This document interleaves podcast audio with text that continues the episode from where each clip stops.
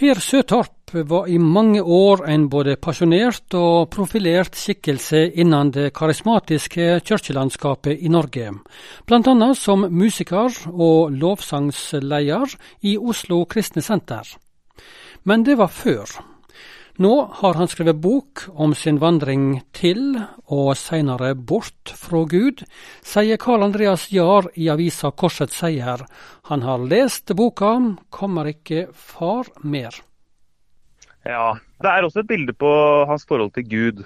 At han, han har vært en person som har sjansa mye. Han har gått på sine visjoner og sine kall. Um, tatt råsjanser på vegne av seg selv og familie, økonomi og den slik, fordi han har følt, følt, at han har hørt Guds tiltale, gått på det, og følt at han har blitt skuffet, da, rett og slett uh, opptil flere ganger. Og at han nå i liksom moden alder rett og slett har tatt konsekvensen av det han opplever som et gudsfravær, da, rett og slett. Ja, Den karismatiske bevegelsen kanskje særlig er jo kjent for fokus på ulike uttrykk for, for Guds nærvær. Men, men, her var det altså Guds fravær som etter hvert ble veldig påtagelig? Ja, rett og slett. Altså, særlig, kanskje særlig siden det har vært noe man har forkynt og oppfordret til. Og, og også kanskje lovet uh, fra scenen og til forsamlingen at uh, hvis, du, hvis du stoler på Gud, tar noen sjanser uh, Gi, så skal du få, og, liksom, og, du skal finne og den type ting. Altså Hvis du satser litt, hvis du gir litt av deg selv, hvis du tar noen sjanser, så vil Gud komme.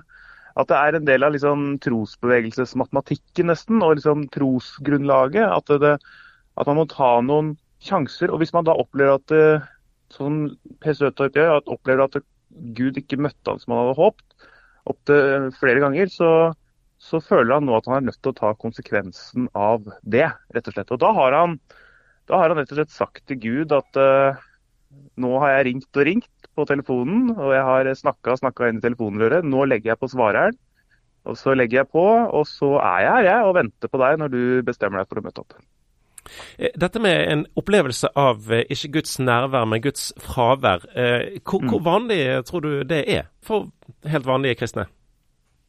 Nei, men jeg tror jo Det er jo noe Bibelen også, også, snakker til oss om, og jeg tror det er veldig gjenkjennelig for en del kristne at man um, For det første tror jeg kanskje vi, vi, vi, nordmenn er ganske moderate i våre forventninger.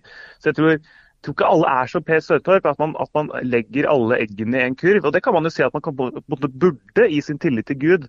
Men jeg tror kanskje at eh, en del norske kristne er litt mer reservert lite, og kanskje ikke våger å satse så knallhardt på um, hvordan skal forklare dette, sin opplevelse av hva som er Guds kall. Jeg tror kanskje at vi tviler på vår egen tolkning av no, F.eks.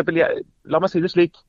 Jeg eh, tviler ikke på Gud, men jeg tror jeg tviler litt på min evne til å forstå hva Gud vil i, i mitt liv. Og at det er en søken. og Dermed så, dermed så vegrer jeg meg litt for å satse alt, da, rett og slett. Ja, er her en link her inn til eh, debatten som har vært i det siste rundt dette her med å gå all in eh, for Gud? Ja, det tror jeg er et veldig, godt, veldig god link. For jeg tror Pet Søtorp har gått all in. Og, jeg, og, det ser jeg på en måte litt opp til han uh, Jeg ser rett og slett litt opp til han pga. det. For jeg, jeg, er en litt mer kynisk, tilbakeholden type som på en måte ikke våger å kaste alle korta. Mens, mens han våger å gjøre det.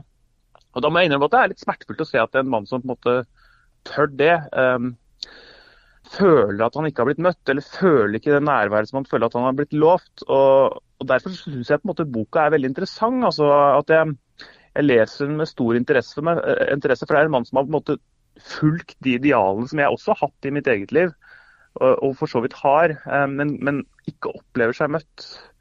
Det er noe å tenke på, rett og slett. Eh, aviser som den eh, du jobber i, eh, Korset Seier, og mm. radioer som den jeg jobber i, liker jo godt å formidle historier om mennesker som kommer til tro, eh, mm. men eh, gjerne ikke så ofte historier som eh, går i ulike grad i motsatt retning. Mm. Nei, det tror jeg du har helt rett i. Og jeg tror, jeg tror til viss grad så tror jeg det er en fin ting. altså, Å, å um, fokusere på de gode historiene tror jeg er på en måte godt tenkt. Men jeg tror at vi må også ta med oss de vonde historiene. På samme måte som at uh, hvis det, er folk, hvis det er nære venner eller sine egne barn eller, um, som går vekk fra troen, så tror jeg vi også vil være interessert i deres historie. Ikke bare de barna våre som, som velger de retningene vi ønsker for dem. Jeg, jeg, tror, og jeg tror, at det, jeg tror at en avis må speile det litt. Da, at vi også er interessert i de historiene hvor ting går skeis. Og det kan også være ganske berikende i kristenlivet. Jeg tror at man kan lære av det òg. Hva, hva, de hva slags erfaringer har de gjort? Hvor, hvordan, hva slags valg har de tatt? Hvorfor har de tatt de valgene? Hvordan forklarer de det teologisk, trosmessig, og hva kan vi liksom trekke ut av det?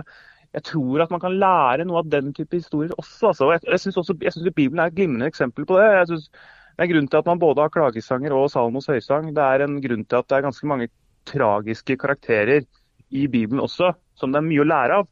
Um, som ikke får til ting, som misforstår ting. altså og som går uh, feil. Nå sier jeg ikke at Det er ikke meninga å trekke Per Søtorp inn i det med, med, disse karakterene, men du skjønner litt hva jeg mener. at jeg, jeg, Bibelen er ganske mangfoldig. Jeg tror, uh, jeg tror, at det er viktig å ta med seg de historiene også. Ja, er Bibelen kanskje flinkere til å ta med den frustrasjonen og beskrive det, enn uh, norske menigheter er til hverdags? Ja, det tror jeg definitivt. Jeg tror faktisk at det er en liten feilkobling der. at uh, jeg tror at hvis vi skulle redigert Bibelen i dag, så tror jeg kanskje at vi hadde, vi hadde, vi hadde både altså vi hadde redigert ut klagesangene og en del sånne type bøker i Bibelen. I hvert fall deler av liksom, salmene og sånne ting som, som, som, er veldig sånn 'Hvor er du, Gud?' og som, som roper ut i fortvilelse over Guds fravær, f.eks. Det tror jeg er litt sånn fremmed i, i, i våre menigheter. Det er kanskje ikke noe vi reflekterer så godt over. Boken til PC Topp heter altså 'Kommer ikke far mer'. Eh, hvem vil du anbefale å plukke opp denne boken og lese den? Ja, Det er et godt spørsmål.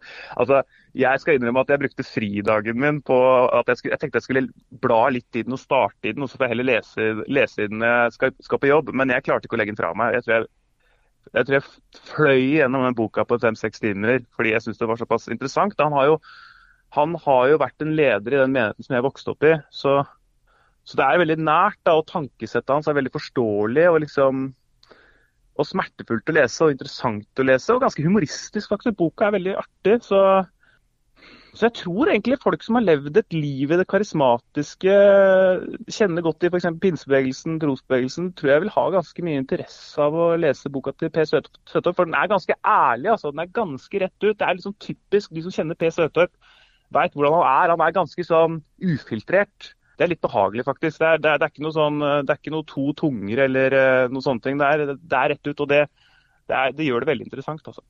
Ja, det mente Karl Andreas Jahr, utgavesjef i avisa Korsets Seier. Og vi kan nevne at han også jobber med et portrettintervju med Per Søtorp, som snart vil komme på trykk. Intervjuer i Petro-kommentaren, det var Bjørn Inge Sagstad.